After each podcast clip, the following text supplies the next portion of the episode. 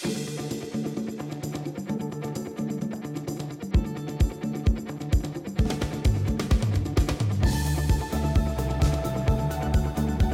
útvarpið, alla virka daga frá fjögur til sex.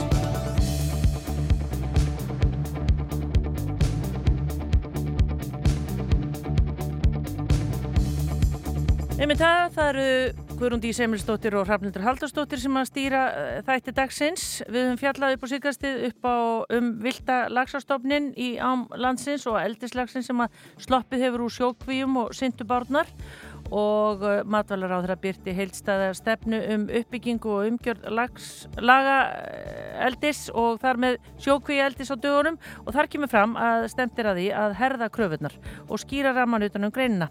Og núna á lögadaginn þá voru haldin á Ístuvelli samstöðufundu gegn sjókví eldi og Gunnar Pettersen, hann er frangatustjóri landsabas veðifélaga, hann að koma til okkur eftir og viljum að ræða þenn um nýjustu vendingar í þessu máli og spyrja hann út í fundin.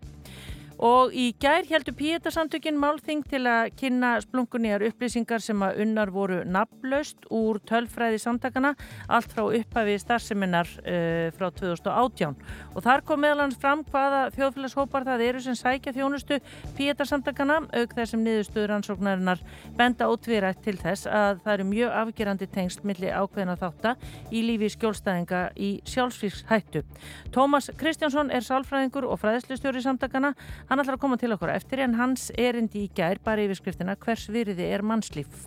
Háir stýrivextir leggjast tungt á bændur sem eru skuldsettir og var staðan þung fyrir vegna hækkunar á aðfangsverði og uh, verðbólgu og haftur eftir rafni Bergsinni formanni félags nöðgripabænda og bónda í Hólmahjálegu að meðal nöðgripabú í rekstrar verkefni ráðgefamistuða landbúnaðarins hafi skuldar ámur 120 miljónir á síðasta ári.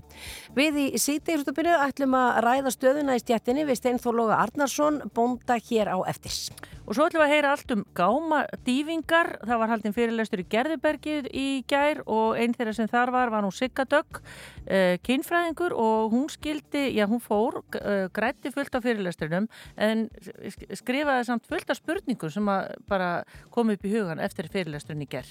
Já, við ætlum að um fá hana til okkur að ræða við okkur. Og eins og alltaf á uh, 50 dögum þá ætlar allir fannar Bjarkarsson að koma til okkar og, og fara í með vikunar.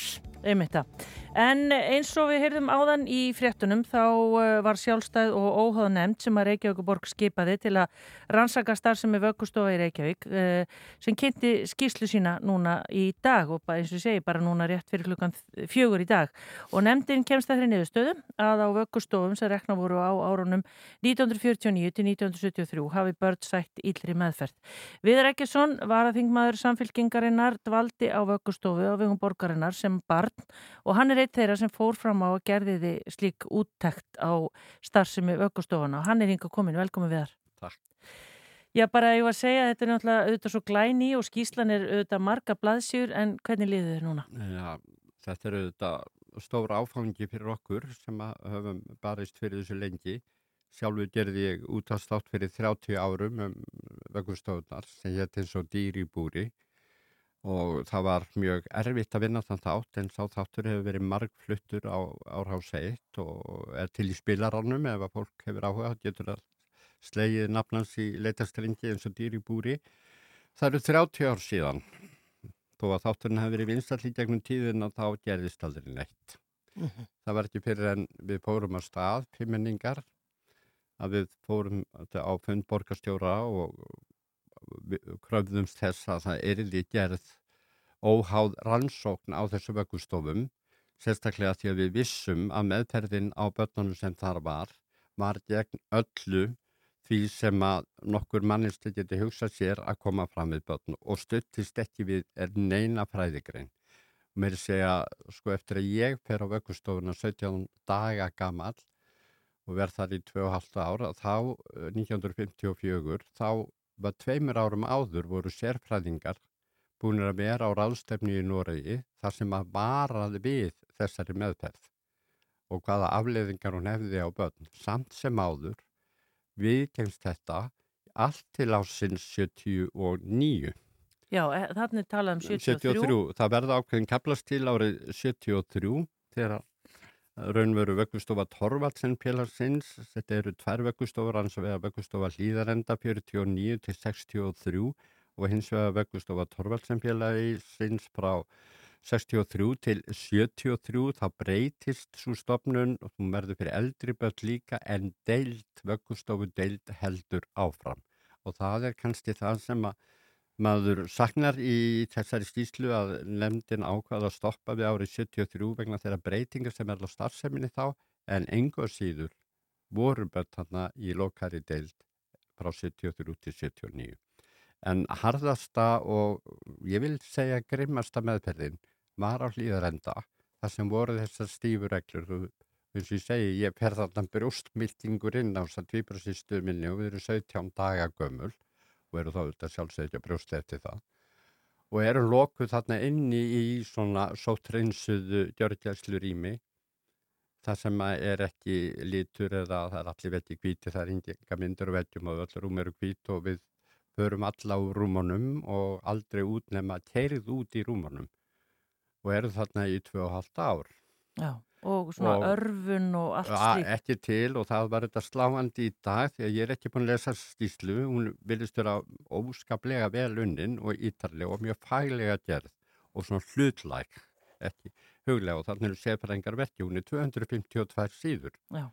og við fengum svona yfirleitt yfirleitt í dag.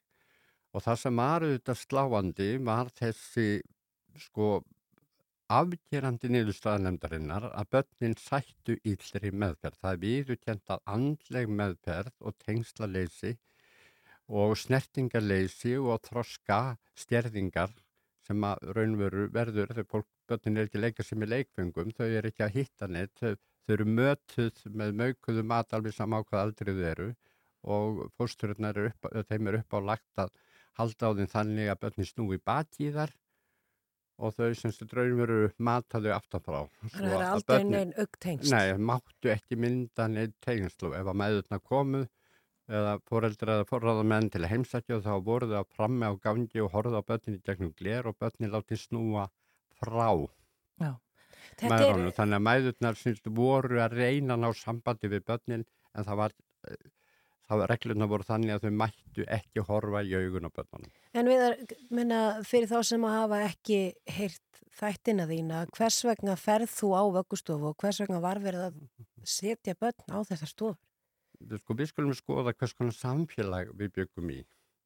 Þetta er, sko, þetta er eh, upp úr hérna heimstyrjöldinni, þarna er mikið af fólki að flytja til Reykjavíkur, allstæra landinu, það er óbóslega húsnæði sekla í Reykjavík. Það er engi félagsmálastofnun til í Reykjavík, það er ekkert úrræði til, það er enga dagvöstunarúrræði, það er ekkert fæðingarorlof og fólk býr og neyðist til að búa í heilsuspillandi húsnæði.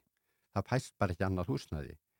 Fólk neyðist til að vera í sakkaföllum kellurum og fólk hérna leiðir einhverstar herbygginn á einhverju öðru fólki og svo frá með svo bóði mín sem er enginn krakki þegar hún egnast okkur, hún er 30, eh, að vera 33 ára þegar hún fæður okkur Hún er eh, ekki með neitt tengslanett, hún er á norðan og fólkið hennar er þar og hún er leigir herbyggi og hún getur ekki egnast tvýpur og verið með þá herbygginu með ekkert fæðingarólof og enga dagvistur en eitt, hún getur ekki raunveru unni fyrir sér og verið með börnin á sama tíma.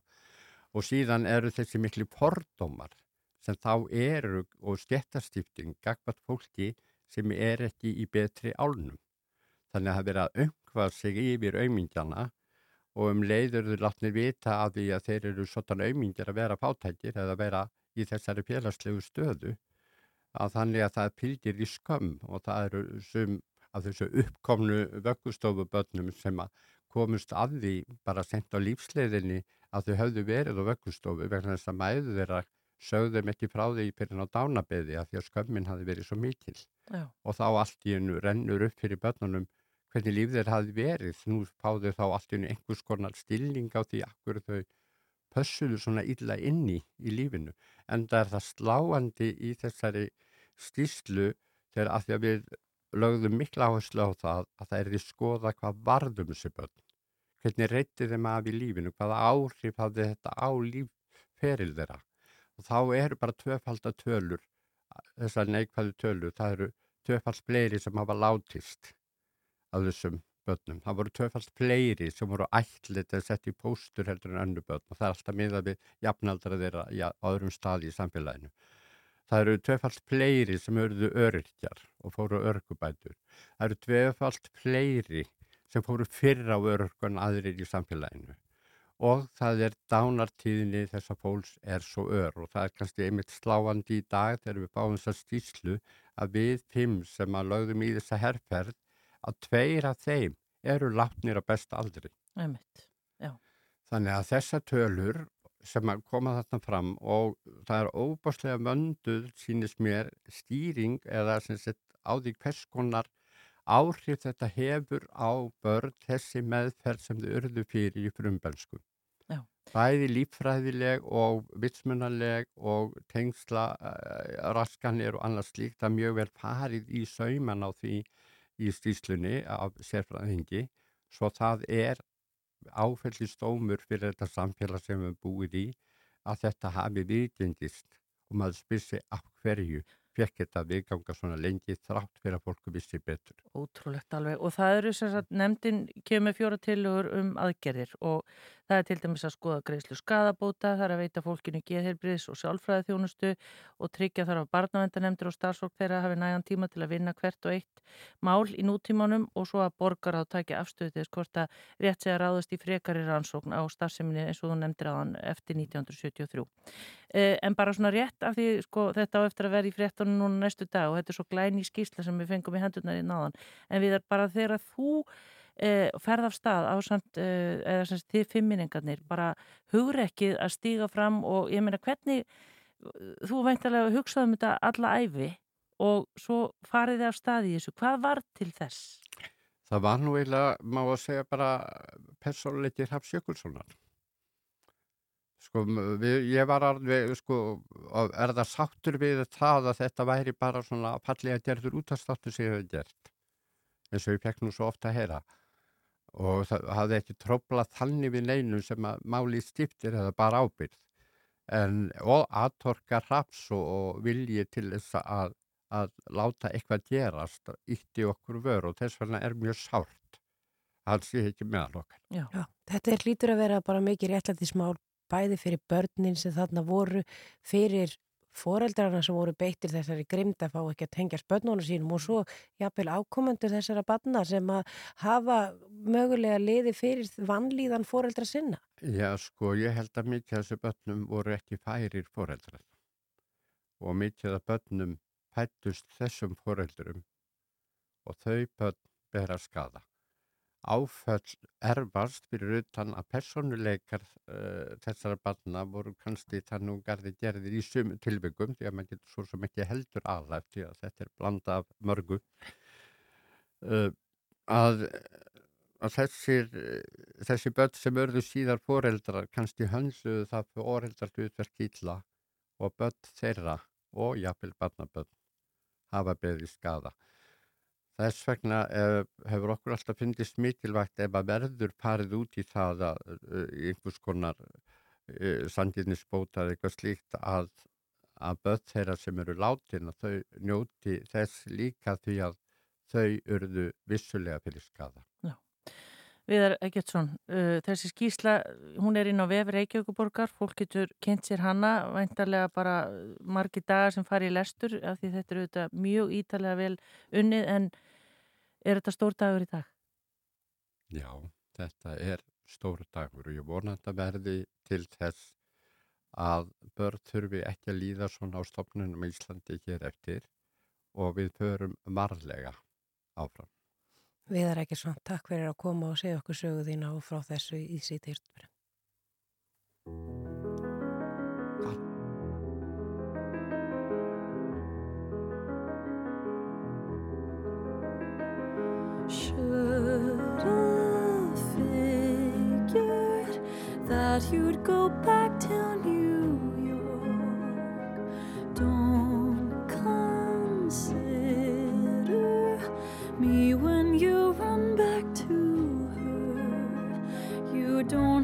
hide it, I know why you went. Said you needed space,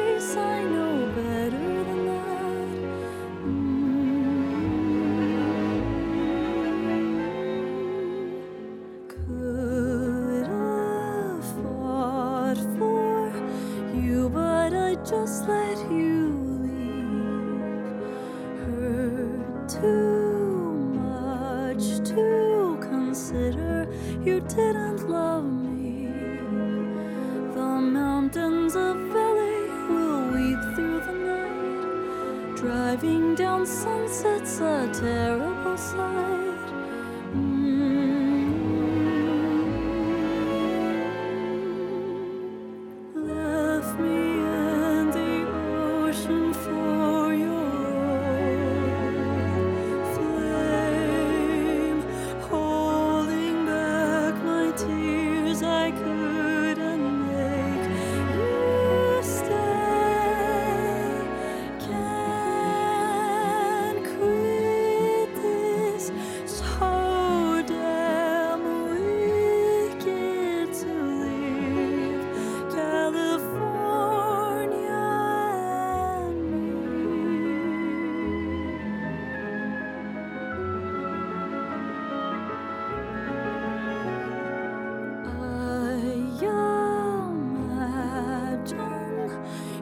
Holding her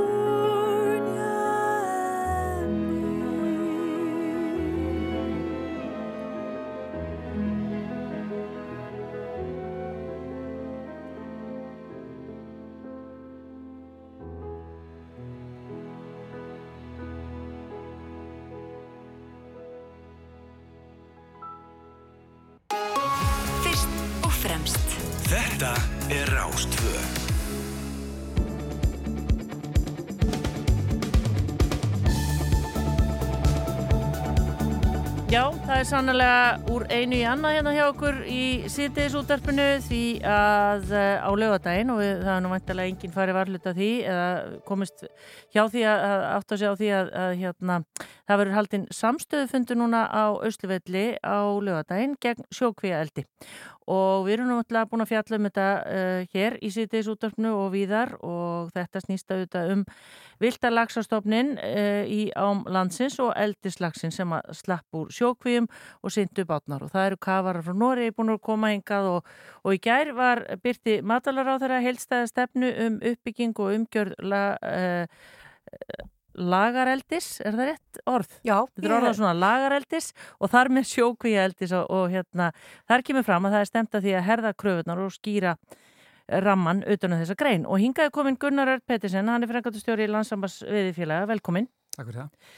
Eða kannski að byrja á uh, þessari stefnu sem að hérna var byrt frá mat matvalar á þeirra. Þetta er bara, já, miða við það sem að þarna kom fram að þá voru kannski erfitt að, að vera með starfsemi eins og hún hefur búin að vera núna undarfærið hjá þessum fyrirtækjum. Já, það er náttúrulega þriðja skipti sem ég hlýði á kynningu um þessa stefnu og hún er svona aðeins, jú, búin að skerpast en kannski ekki nógu mikið en, en það er alveg rétt að ef að sko stefnan eins og hún er sett uh, og á að verða 2028 ef að hún uh, yrði bara að raunveruleika í dag þá er alveg ljóst að, fyrirtæki í þessum innan gæti ekki starfað því þau gæti ekki uppfyllt þessi skiliði um sleppingar og, og lús og slíkt Já.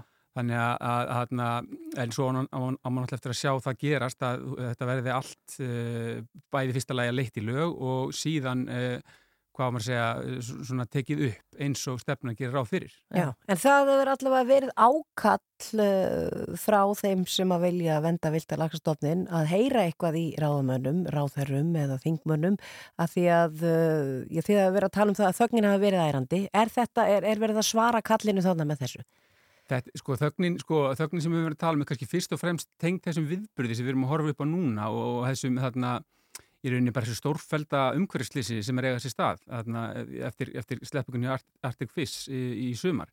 Það er kannski svona aðalega þögnin. Þessi stefnumótin er búin að vera í gangi alveg veist, í að verða ár uh, en þarna, við myndum vilja heyra bara sko, skýra yngri frá stjórnlundum bara núna í stöðinni og, og þarna, það, það er ekki tekið á uh, þessi stefnumótum tekur einhvern veginn ekki þannig á málinu afgerandi finnst mér sko Nei. og það sem vantar kannski inn í þessu umræðu líka er að núna er náttúrulega áhættum að erðablöndunar sem er stærsta stjórntakið í þessum málum í algjör uppnámi eftir að Havró dró uh, sína tilögu tilbaka í síðasta mánuði og, og hérna, það er alveg óljóst hvað nýja áhættumatið sem að Havró ætlar að gera eftir að þessi atbyrður er búin að, er, er ljóst hversu mikil áhrif hann hefur haft, þessi slísasleppingi Arctic Fish Eh, að gera nýtt áhættumat alveg, alveg óljóst hvað verður með það sko.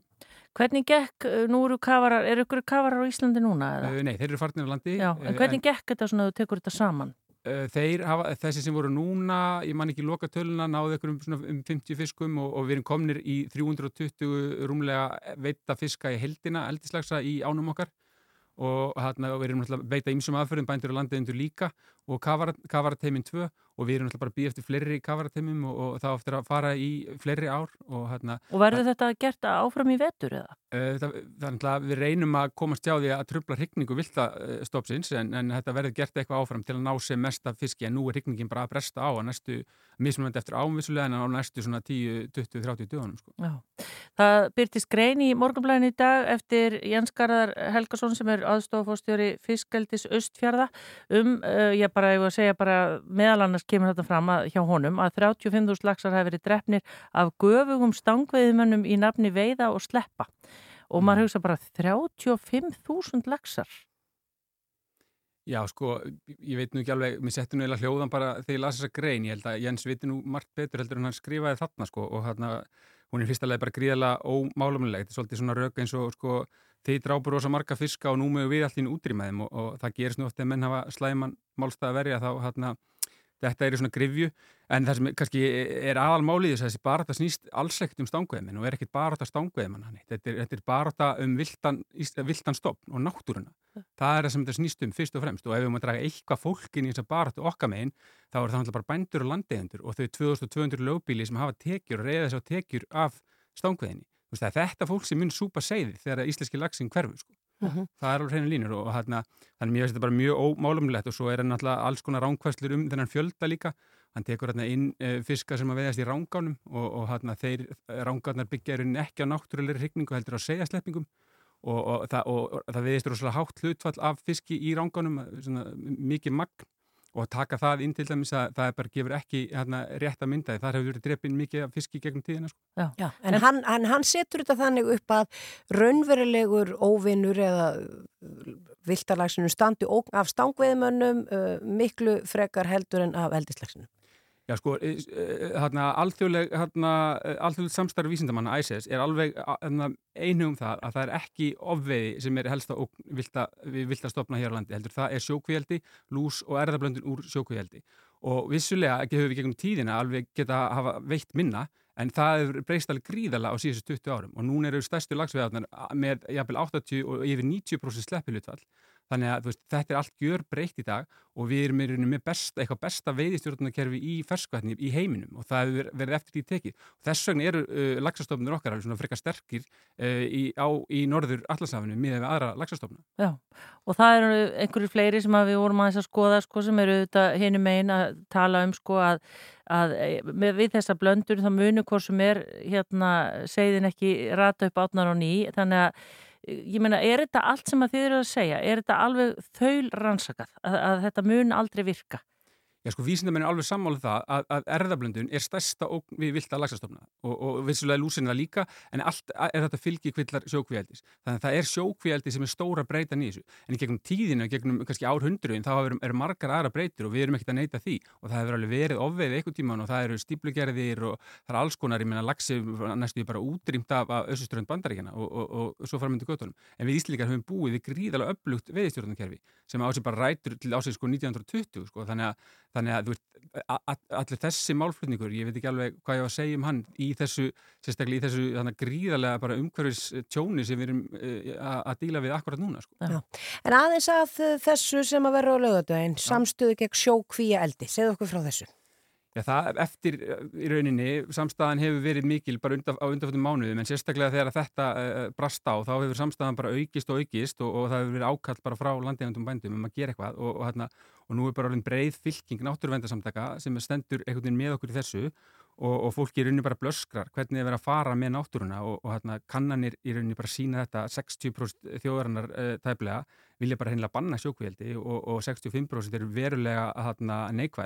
hennilega banna sjókvíaldi og, og 65% eru verulega neikvæð Þannig að þetta er í rauninni bara breið fylking sem er búin að myndast og, og niðurstaðan var þessi að efna til mótmæla og, og kannski svona nýjasta og gaman frá því að segja nýjasta, hérna, nýjasti liðsökin í þá baratu er hérna, Björg Guðmundsdóttir sem að uh, tilkynnti þannig bara rétt í þessu að hún og spænska söngunan Rosalie ætla að gefa lag núna í oktober og sem er tilenga barátunni og, hérna, og ágóðun af því lagi rennur í barátuna Þannig að, að það, það er alveg ljóst að, fólk er að fylgja sér á, á bakvið okkur og, er í rauninni já, bara er bara nóg bóðið sko. Já, þetta verður núna á lögadaginn og það er vantarlega bara, já, alveg sama hvar þú býrið og ef þú stendur með uh, í þessari baráttu þá ætlar það bara ekki að láta þið vanda eða hvað, eða ekki vona mörgum eða hvernig? Jú, við búumst við að vera bara fullt á östuvellinum sko, klukkan þrjú á lögadaginn. Já, og þarna eru einhverju sem munir stíga stokka eða hvað? Já, Bubi Mortens ætlar að taka lægið og, og Borgin ætlar að gefa kaff og kleinur og, og, hérna, og veitikastæðir og, barir í nágruninu verða með tilbúð og þannig að það það verður líka stemning Já. þó að málum sé alvarlegt. Mm -hmm.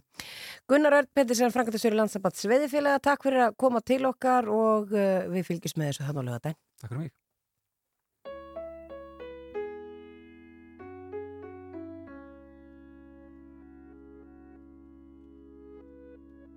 Closing time,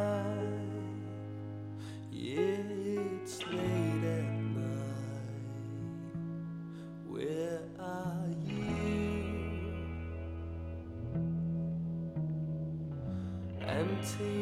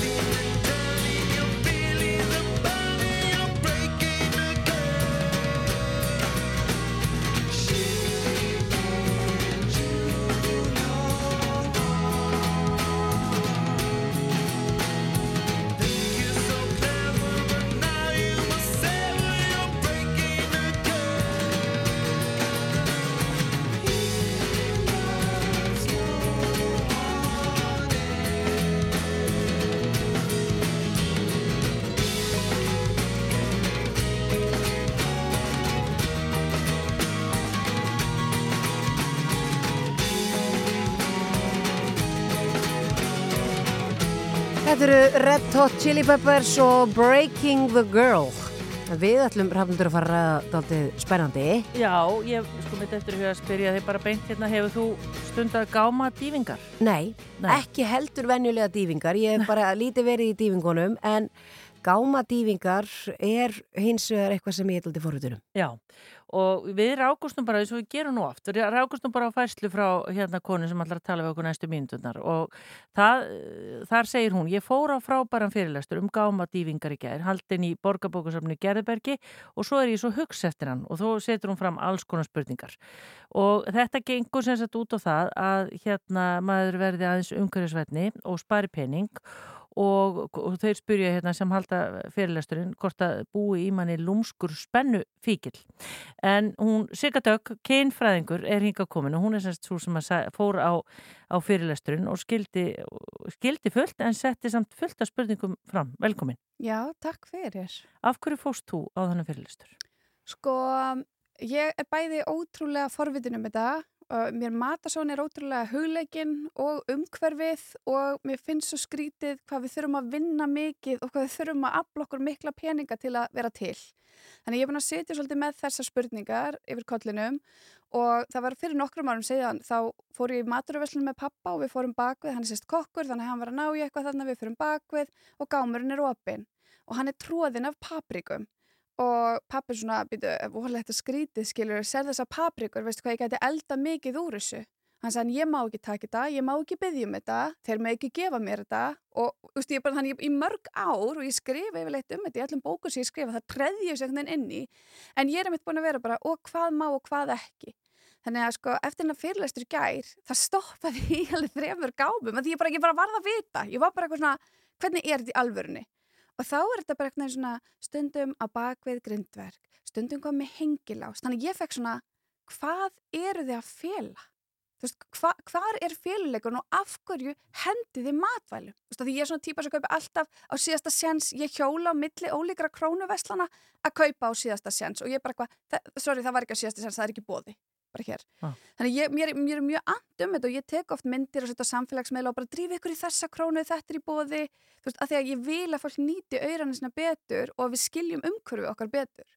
Já, þannig að þú ert að gera þetta bæði til þess að spara Mm og líka að því þú vilt alls ekki sjá þetta hakk fara til spillis í það var þarna lifandi vera sem að þetta hakk var einu sinni og, og þú vilt bara Ég er reynda rosalega lítið í kjötinu, ég Já, skal já. alveg setja það út, við erum meira að finna frosnar pulsur heldur en hakk, það skal bara sagt. mm En hérna, já, já, en bara allt þetta grænmeti, allur þurrmaturinn, dósamaturinn, þetta, er svo magnið er svo svakalegt.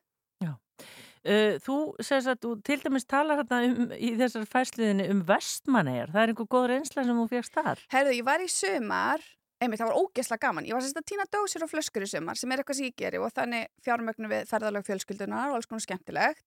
Nema ég sá að fólki þótti þetta oft alveg óþægilegt, skilur, það, það var svona þögn þegar ég kom með reysa dósapókan minn og byrjaði aðeins að kafa hún í einhverju ruslatunur og það þurfti ekki að kafa þetta bara flætt út um allt. Og Guðni fórseti mér þess að nikkaði til mín hann á einu fótballtaleiknum meðan ég var að tróða mér hálfrið þarna onni í gámi. Þannig ég alltaf að vera að gámast með flöskur og, og dósir. Þannig ég er þarna að týna og fer eitthvað inn í krónu og inn í bónus að þið mér vantaði eitthvað. Og þar voru bara þvílíkar stæður, bara brauð, ókeppis, brauð á 99 krónur, pulsu, brauð, eitthvað kanilsnóla, bara ógeðslega mikið sem ég hef aldrei séð búið taka svona í svona stórum stíl og báðar veslanar og eigin tróðin af fótboltafóröldrum. Þú veist, þannig að ég var alveg bara, herðu frábært, geggjað. En fólk svona pínu sneiðir framjá þessu og það sem ég hef líka fengið að heyra er að svona, þeim finnst þetta eitthvað vandræðilegt. Þú veist, það er einhver fátæktra skömm, það er einhver flottræfils háttur í okkur að við leifum okkur þetta ekki, við viljum ekki aðra halda við höfum ekki efni á. Já. Þannig að það þangagangurinn hjá neytenda það er að breytast. En svo það bara að hrista þessar veslanir. Hvað er að gerast? Er þetta mist þetta ótrúlega áhugaverð sem hún nefnir þetta með gámana af því að gámadýfingar er hugtak sem er búið að vera til lengi og það er alveg fullt af fólki sem stundar þetta. Hvað eru þeir að fela og af hverju læsa þeir gámunum að því að menna, vilja þeir ekki fá fólk aðna í gámana, vilja þeir ekki að sjáus hvað er henda miklu, Nei, ég, Og- ég held að segja það. er ekki bara ágætt að þetta nýtist einhverjum sem annarkot þá þarf á þessu að halda eða vill nýta þetta? Herði, ég kentist frábæri konu í gær, hún, hún Inga og maðurinn hennar, ég man ekki alveg hvað hann heiti því miður.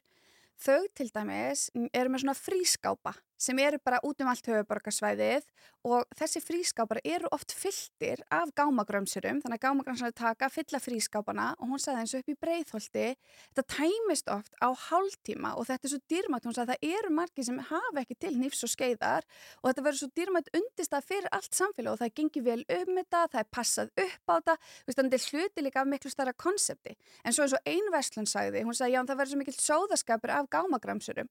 Og ég sagði er það ekki bara samtal sem má taka. En einn gallin liggur að með maturvæslunar þær eru með samning við byrgjana þannig að það sem ekki selst taka byrgjar tilbaka og ég reyndi í bónusum daginn að ganga á einn verslunarstjóra og var alveg, þú veist, ekkert brjáluð en ég var bara, hæ, þú ert að fara að henda þessu pizzadegi má ég taka það? Bara inn í kæli, þú veist, bara förstu dagur og hann bara, nei, og ég, ég skildi ekkert í því, okkur má ég ekki taka þetta, okkur er betra að þetta fara út í gám. Svo nei, þetta fer ekki út í gám, við sko skilum þessu, hérna, Millan tekur við þessu og ég segi, hvað gerir Millan með þetta? Já, það verður að spyrja þá að, þannig ég í þá og spyr þá. Þeir segi, já, þetta í svínafóður. Og ég segi, svínafóður? Býtu fyrirgeðu, hvers ega svínin að gjalda, en má ég ekki fá nokkur pizzadeg og megu við sem erum inn í bónus núna, ekki fá þessi pizzadeg? Eru svínin ekki með eitthvað annað? Er ekki nóg til fyrir þau? Mér varstu svo kjánalegt. Mm. Þeir bara eru með eitthvað vinnulag. En hvað svona bara rétt í lokin, Sigurður, hvað svona liklar komuð þarna fram? Þau voru með þetta Eirún Þóra og Hlinu Steinsson, reyndir gámadývingamenn. Bara svona, þú vilt tala við þá sem er að hlusta núna. Og langar að prófa þetta? Já, hvað ætti fólk að byrja á að gera? Ég myndi nú kannski bara byrja á því að byrja á eins og síðast í sjans. Byrjaði þar ef þið finnst þetta mjög framandi, skoðaði hvað er í bóði þar og svo getur þið beðið um, ég hef gert þetta, beðið um að fá að tala við vestlunarstjóra og sagt, heyrðu, má ég sjá það sem er ekki farið út í gám? Og svo máttu lappa fyrir aftan vestlunna og þú mátt skoða í gámin en þú veist, það er stort skref fyrir mjög mörgum, ég veist strax þetta. Ég vil að mér sé matabóðum daginn og ég spurði bara, heyrðu það er rosalega miklu afgangar, má ég taka afganga? Og aðan ég vissi að voru allir sem vildu taka afganga veist, og allir gladir með það að losna við að þurfa að sitja upp með afganga.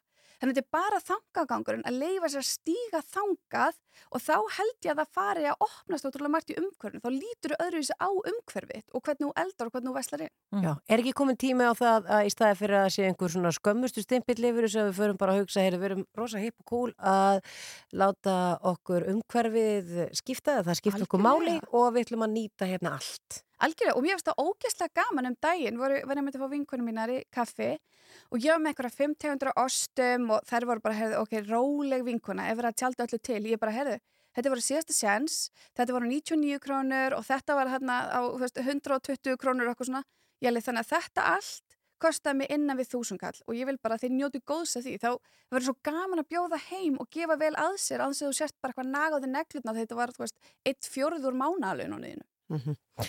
Sigardögg, þetta eru mjög áhugaverða pælingar við hvetjum fólk til þess að ég reyna að verða öllítið umhverfisverðna og nýta matinn betur og jafnvel fara í gámadýfingar. Nákvæmlega. Takk fyrir komuna. Takk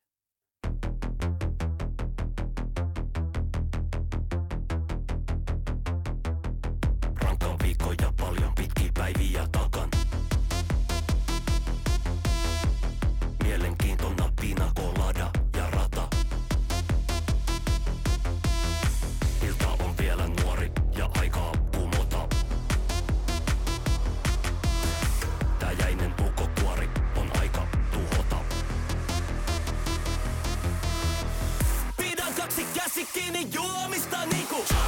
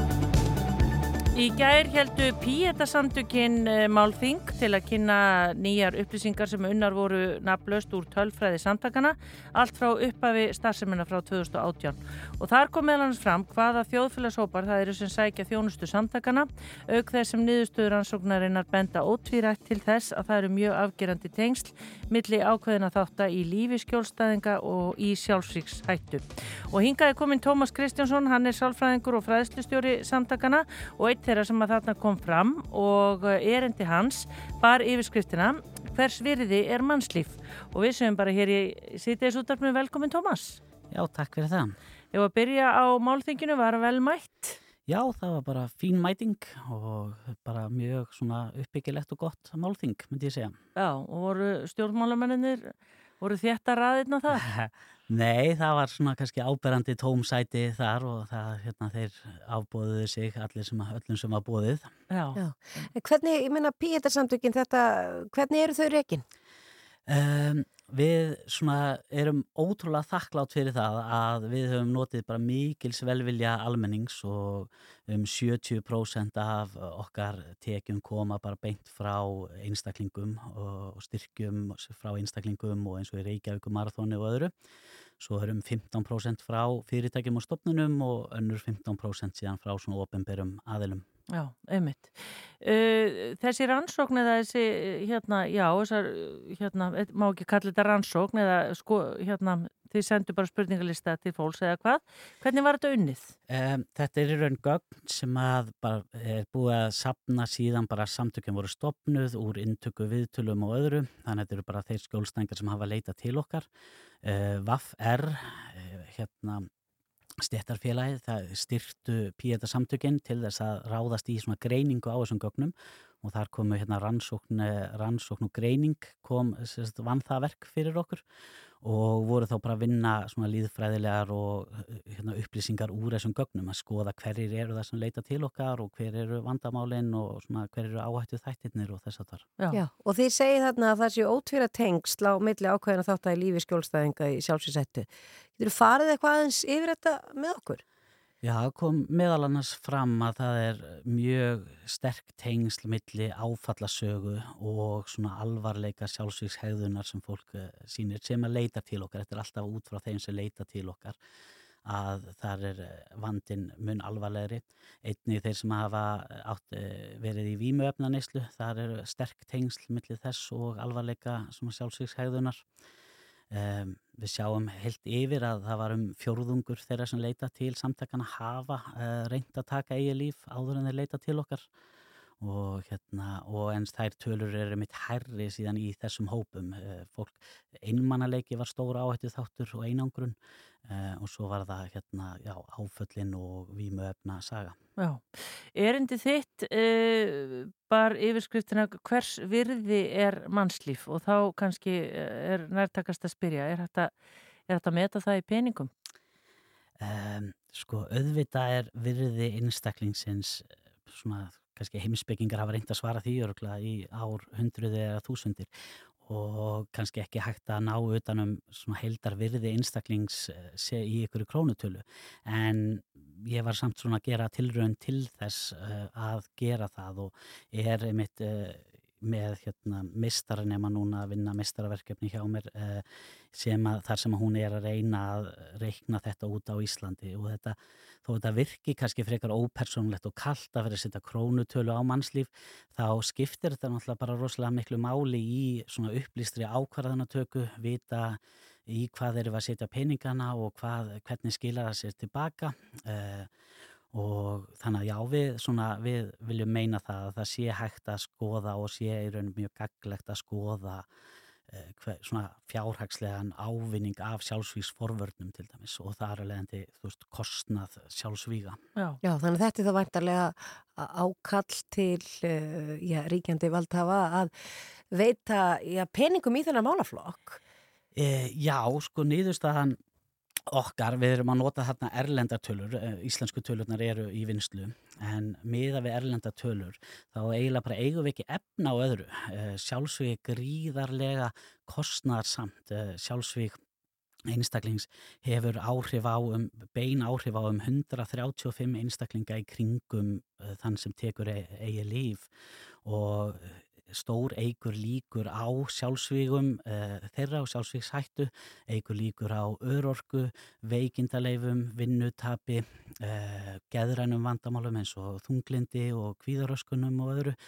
Og þannig að kostnaður, þú veist, er bæði svona beinn kostnaður í bara uh, töpuðum skattekjum fyrir ríkið af, frá einstaklingnum en líka í öllu netinu í kringum einstaklingin og svo bara á fyrirtækin, það er þjálfunir að starfsmanna og aftur alls netsins í kringum einstaklingsinn sem að uh, hérna, dó í sjálfsvíi. Þannig að það er svona beitn og óbeitt kostnaður og hann dreifist á bæði ríki og fyrirtæki og einstaklinga. Já, er verið að vinna slíkar tölur fyrir Ísland eða? Já, það er, sem sagt, ég er aðjungt við Sálfræði Delt Háskóla Íslands og þar er, er klíniskur mastersnemi núna að vinna tölur fyrir Ísland. Já. Af því að þetta skiptir, það er erfitt að færa erlenda tölur yfir af því að það er svo margt sem hefur áhrif á þær. Það er til dæmis bara hver, hérna, hverjar hver skattprósenturnar eru á milli landa, það hverjar meðaltekjurnar eru, hvað ríkin eigða eða niðurgreiða eru mikið í mentun frá sko, leikskólastígi og upp í háskólastíg, þannig að hvað er ríkið búið að setja mikinn pening í einstaklingin og hvað fær hann tilbaka, hvað notar fólk heilbriðsjónustu mikið, hvað af því kemur frá ríkinu og hvað frá einstaklingnum, allt þetta hefur áhrif á í raun þessar svona kostnæðartölur. Já. já, þú talar hérna um 135 aðila sem að, já, sjálfsvík eins hefur bein eða óbein áhrif á. Hvað, hvernig, hvaðan fást þær tölur? Um, þetta eru tölur úr erlendum rannsóknum líka. Það er svona áfinnanleg þörf á íslenskum rannsóknum. Það, við erum vitum lítið um þetta á Íslandi. Men mín... valla er það mikið ólíkt eða hvað? Sko það gæti nefnilega verið að því að uh, sko ég til dæmis myndi telja að talan gæti verið herri sérstaklega á landsbyðinu hérna því að við vitum að uh, sjálfsvígi nærum hverfi er áhættu þettur og eigur sjálfsvígshættu og í minni byggðarlögum þar sem að kannski erum með 500 til 800 einstaklingar, það þekki allir alla ykkurt veginn. Og þá myndi ég segja allt byggðarfélagið er í aukinni í rauninni sjálfsvíkshættu og verður þar leiðandi fyrir beinum áhrifum sjálfsvíks eins. Já. Þannig að ég gæti trúa það í svona dreifðari byggðum og eins og Ísland er með mikið að dreifðum byggðum að þá gæti talan verið herri á Íslandi. Já. Já. Er, er, uh, er bæting í þessum málaflokki þar að segja eru fleiri að falla fyrir eigin hendi í ár heldur en hefur verið eða eru það færri? Það er náttúrulega þannig að uh, þar sem við erum lítið land að þá uh, eru tölunar svolítið sviplukendar þannig að það sem við horfum venjulega á er uh, svona 5 ára meðaltöl og 10 ára meðaltöl til að reyna að sjá svona ykkur svona trend og þau hafa haldist nokkuð stöðu. Það eru svona ákveðna vísbendingar um að það sé aðeins á nýðuleið sem er bara mjög jákvægt en 5 ára meðaltal núna er 38 sjálfsvík á ári og 10 ára meðaltal er 40 sjálfsvík á ári. Já, en eitt sinn þá að því að þegar að verður sjálfsvík náins ættingjamanns þá verður alltaf sorgin óbærileg er, er uh, og einu sinni fylgdi þessu einhver skömm Það var svolítið þannig í þjóðfélagin að fólk vildi ekki tala um þetta. Er, er við að verða betri í því að ræða þessi mál? Sko, við erum alveg klárlega að vera betri og ég svona, kannski ekki hlutlaus en ég tel að einmitt Píeta samtökin meðal annars hafa átt stóran þátt í því að opna þess á þessu umræðu. Eh, það er samt ennþá mikil svona feimni við að ræða þetta og það er ennþá alveg mikil skömm. Það er fólk svona veigra sér við, það veit ekki alveg hvernig það á að díla við það eins og brá vinnustöðum þegar kemur kannski einstaklingur aftur til vinnu eftir að hafa mist fjölskyldumæðlim í sjálfsvíi fólk veit ekki alveg hvað það á að segja á kaffistofunni. Ef að, að einstaklingun hefur mistið úr einhvern sjúkdómi eða slísi þá er svona miklu auðveldar hann að lálkast hann og segja bara ég samhryggist og já, amma mín eða sýsti mömmu fór svona eða eitthvað. En með sjálfsvíðin þá einhvern veginn veit fólk ekki alveg hvernig það á að nálgast hvað það má segja, hvað það má ekki segja. Þannig ég myndi segja að þetta er alveg ennþá þetta er að batna og við erum alltaf að reyna að opna umræðuna. Við erum til dæmis með hérna hlaðvarpi píetakasti þar sem við reynum bara svona að ræða sjálfsvíg og sjálfsvígsforvarnir á opinhátt en þetta er alveg ennþá svolítið tabú og skömm, ég. Ég las eitthvað staðar eða sá að það eru hvað svona tveir til þrý sem koma til ykkar á dag. Er Já. það, myndu þið flokkast undir forvörn? Uh, bæði sko, við, það, við lítum svolítið á svona þessi sjálfsvíksmál uh, svona þrískipt. Það eru forvarnir, það eru inngrip þar sem við erum að vinna með einstaklingi í sjálfsvíkshættu og svo er það viðbröð og þetta helst allt í hendur. Uh, forvörnir, náttúrulega besta, þá þurfum við minna inngrip og með góðu inngripi þá þurfum við ekki viðbröð ef við náum að afstýra og gott viðbröð eftir uh, sjálfsvík, það getur verið besta forvörnin með að hlúa að þessum hópi sem verður fyrir áhrifum. Eh, og píetarsamtökin koma í raun að öllum þessum þáttum veist, eru, en þessi viðtöl þegar það eru einstaklingar í sjálfsvíkshættu þá myndum við segja að það væri yngripp en svo eru við með einmitt fræðslu og stöðning sem að væri forvörn en svo eru við líka með stöðningshópa aðstandenda sem hafa mist og sem er þá undir viðbröð Já, það er, er það ekki hægt að ringja allan sólaringin í ykkur? allan sólarhingin, alla daga eh, bara, jú, og erum svona reyn, eh, vinnum út frá því að við séum með gjaldfrálsa og bygglista lausa þjónustu fyrir þá sem þurfa á henni að halda.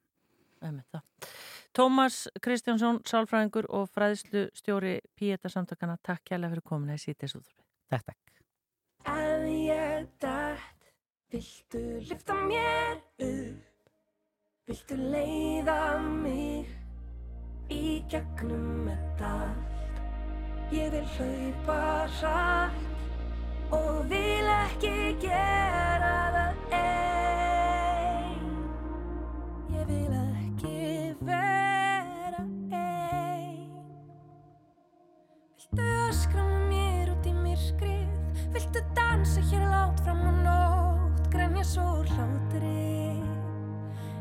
skilur neitt. Viltu svara mér þegar ég ringi?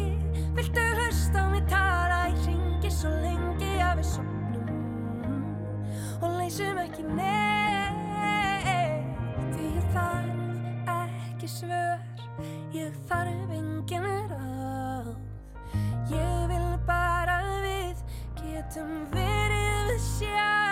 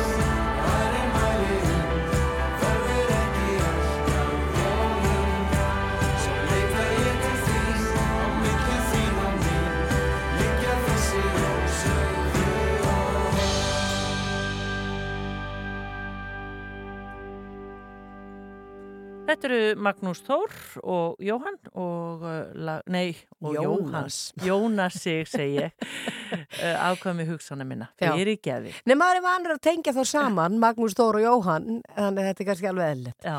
Uh, Hái stýrivextir leggjast uh, þungt á bændur sem eru skuldsettir og var staðan og þung fyrir vegna hækkana á aðfangsverði og verðbólgu og það var haft eftir Rafni Bergsinni formanni félags nöðgripabænda og bónda á í Hólma hjálegu að meðal nöðgripabú meðal nöðgripabú, ég reyna að koma þessu rétt frá mér, í rekstraverkefni ráðgjafamiðstöða landbúnarins hafi skuldarúmar 120 miljónir á síðasta ári og uh, við erum komin með Steinþór Loga Arnarsson, uh, bónda í Stórholti hér á línuna til að ræða þessi mál við okkur.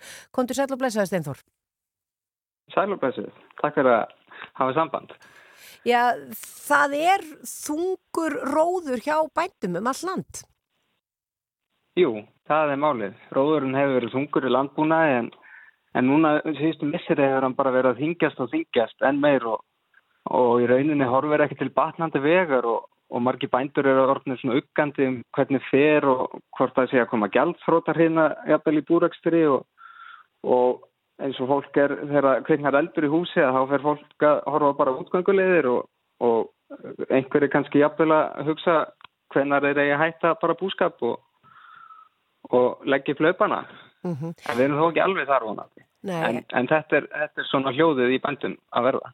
En þessar tölur sem maður sér hérna að meðal skuldir hafi verið 120 miljónir á síðasta ári. Þetta eru háa tölur. Já, þetta er, í búskap er, er, er oft um að ræða og sérstaklega í, í, á kúabúum það sem er verið að framlega mjölka, þetta eru miklar fjárfestingar og svona fyrir talsvert eða svona miklu minni veldu en er oft í öðrum atvinnugeirum. Og það verið lengi talað um að afkoma og afur að verða til bænda uh, sé svona ábúta vant en En samt sem áður viljum við halda áfram að framlega góð og holl og heilna matvæli og sangjarnan hátt en samt að það sé á sem besta verði fyrir íslenska neytund. Þannig að allir getur notið þess. Og þess vegna verið að spyrja okkur er besta leiðin að velta þessu út í verðlægið af því að það er nú kannski líka skilabóðin að, að það með ekki gera það til að kynnta, kynnta vakstabálið. En eins og þú segir að þá kemur þetta háa vakstasti í kjölfarið á þessum erfiðu tímum að sem ábúraverð tvöfaldast í fyrra, influtt fóður hækkar e, sömulegis töluvert og í raun bara all, allir liðir sem að þarf til að framlega matin, kostar sem ólja, plast og þarf fram til göttun. Og á sama tíma hækka laun og aukin krafa í þjóðfélaginu um aukin lífskeiði en bændur hafa einfallega bara setið eftir og vinna bara lengri vinnidaga fyrir minna kaup. En er þetta þannig akkvært sko tækninni að, að verður maður að vera með fínustu og bestu greiðnar? Já, sko, við erum alltaf að reyna að leita til aukina hafkvæmni og, og oftast eru fjárfestingar fara hluti að því og, og þessar miklu fjárfestingar sem hefur einmitt verið talað um að þetta er bara alveg augljóst að það skilar sér og bara með bættri velferð dýrana og En afurður hafa líka bara stór aukist og það er bara að gera það verkum að við getum framleitt óderaður matvæli en líka umhverfisvætni matvæli. Mm -hmm. En hvernig er það að því að þú talar um það að bændur óttist að nú sé mögulega að koma hrína gjaldþróta sem að væri náttúrulega hræðilegt en það gengur valla vel að fá nýliðun í greinina heldur í, í, í, við þessar aðstæður.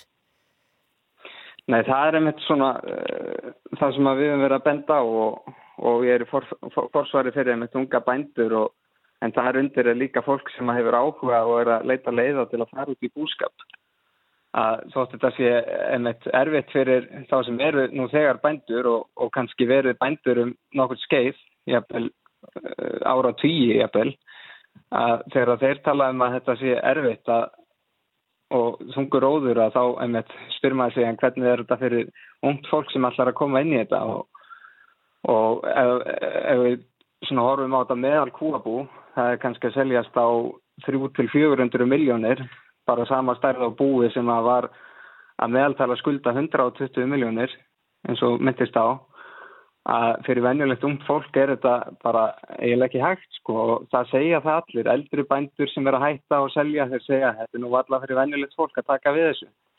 Uh, þótt að það sé búið að flott uppbygging og allt sé í toppstandi að þá er það samt einhvern veginn eh, aldrei hægt. Og það stendur svolítið og fellur oft á tíðum með ótrúlegri samvösku sem er eldri kynnslóðabænda sem að gefa oft bara á tíðum gífurlegt svigurum bara hann að dæmi gangi upp nema fólk hafið þeimun meiri forgjöf eða, eða mjög virkilega stert bakland Já. en samt sem áður er, er það alltaf að bændur eru skilvísastir í greiðslum til ánastofnana og samanbúrið við aðra lánaflokka er, er skila eh, afborgunum sínum betur en, en lán út á íbúarhúsna en, en samt er ekki hægt að bjóða þetta á sömu kjörum.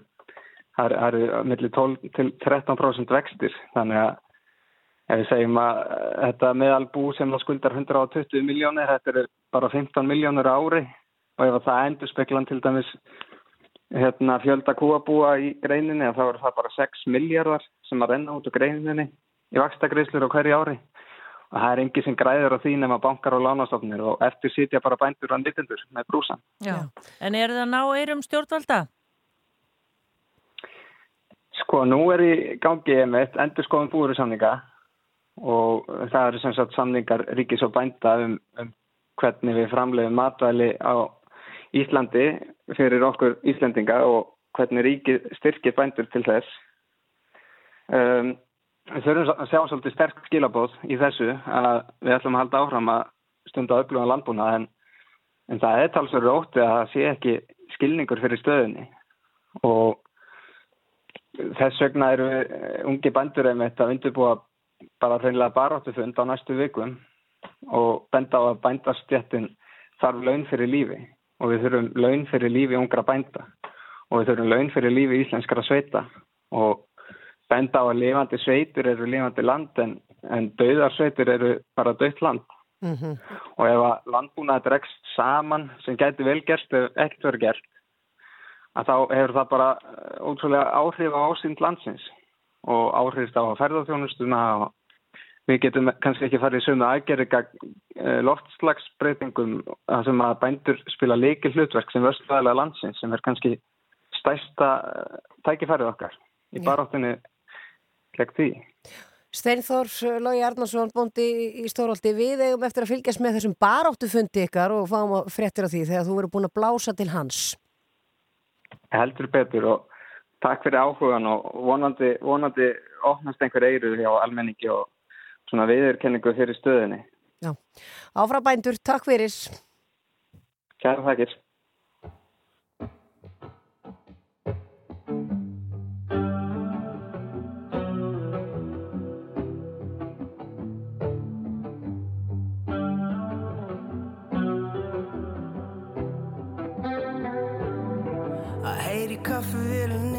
Sita á móti þér með bolla Það gerir mig glaðan, hvað klísja er það?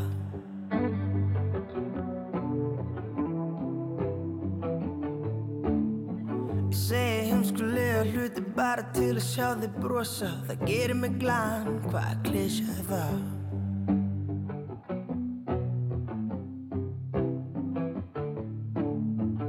Fyrstu kossin var í kirkjugarð og þá byrjaði nýtt líf með þér Hvað klísja er það?